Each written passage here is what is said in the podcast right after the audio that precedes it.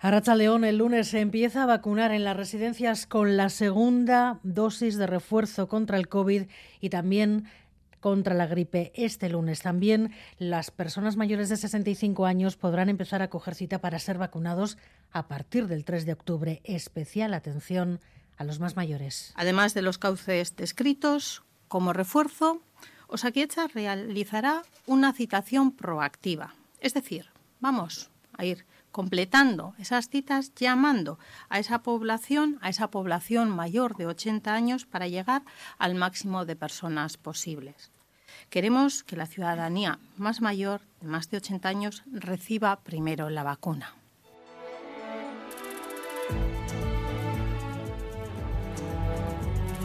Gambara con Arancha García.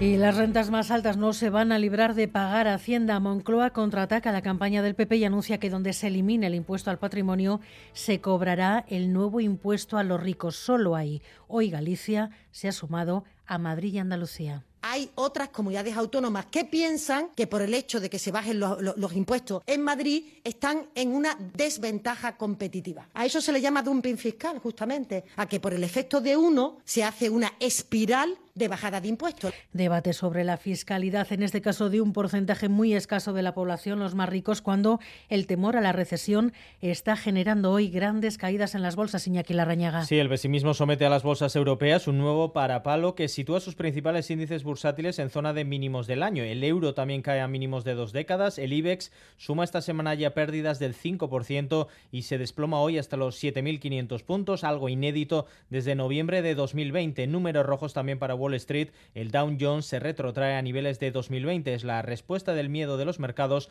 a una eventual recesión global. Y un signo de la preocupación del gobierno de Navarra por la situación de la planta de Volkswagen en Landave. La presidenta Chivite reclama a la multinacional compromiso con la comunidad foral creo que Volkswagen se tiene que comprometer también con el conjunto de, la comunidad foral y con el empleo en la comunidad foral. Y esto es, bueno, por los términos en los que le plantearé al nuevo presidente eh, los planteamientos que tiene el Gobierno de Navarra. Seguir trabajando de la mano y esa corresponsabilidad, nosotros con ellos, pero ellos también con nosotros.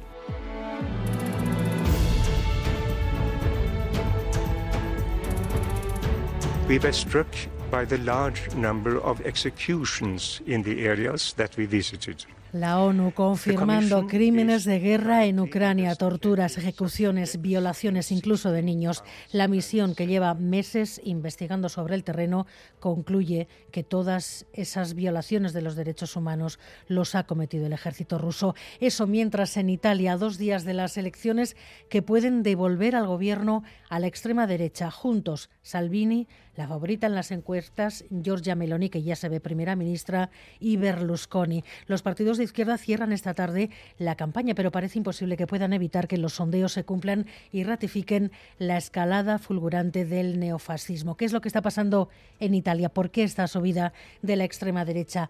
Lander Izaguirre está en Roma. Has hablado hace unas horas con uno de los alcaldes de Fratelli. ¿Qué te ha dicho? el distrito Roma 6 de la capital italiana registra todos los récords posibles. Es el barrio de menor renta per cápita, de mayor criminalidad y con el porcentaje más alto de inmigración.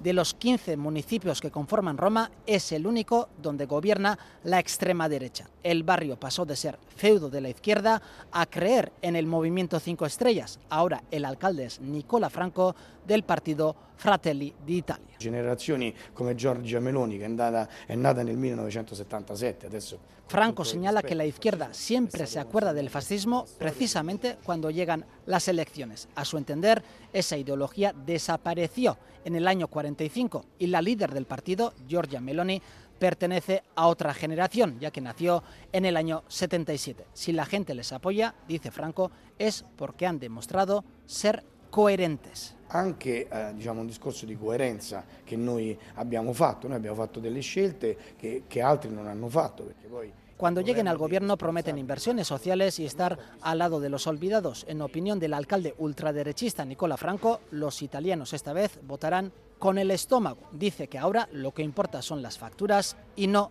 la ideología. Bueno, pues de votar a la izquierda, de votar a cinco estrellas, a votar a los neofascistas de Fratelli en apenas una legislatura. Así están las cosas en Italia. Y al Cinema al Día ha llegado esta tarde la estrella sorpresa del festival. Ana de Armas ha llegado así la protagonista de Blonde, el biopic de Marilyn Monroe, la película sorpresa de esta edición número 70. Como escuchan, la decena de seguidores, decenas de seguidores han aplaudido su llegada, se ha hecho fotos, ha saludado, ha firmado autógrafos durante más de 10 minutos por protagonizar esta película.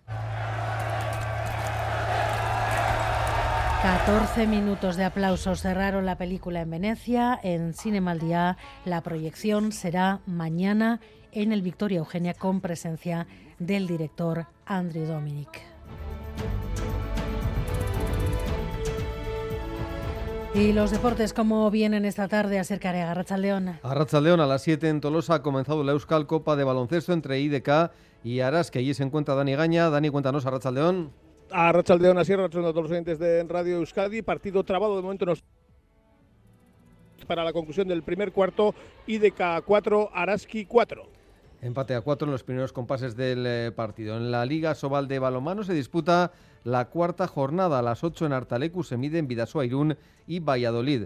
Y en pelota esta noche Jaca y María Escurrena se enfrentan a Peña y Albisu en la última jornada de semifinales de la Feria de San Mateo. Si los primeros ganan, estarán en la final del domingo ante Altuna y Martija. Peña y Albisu necesitan un triunfo abultado para poder disputarla. Y esta tarde noche va a ser también la última oportunidad para ver jugar a Roger Federer, partido de despedida definitiva dentro de un par de horas en Londres. El aviso a los fumadores llega desde Cataluña. No se va a poder fumar ahí, ni en las terrazas de los bares, ni en las marquesinas de los autobuses. Bueno, a mí mal, siempre y cuando sea fuera. Dentro, vale, lo puedo entender, pero fuera, pues bueno, un poco de libertad, ¿no? También. Me parece un poco mal porque al final estamos en la calle, es el aire libre, tampoco haces daño a nadie.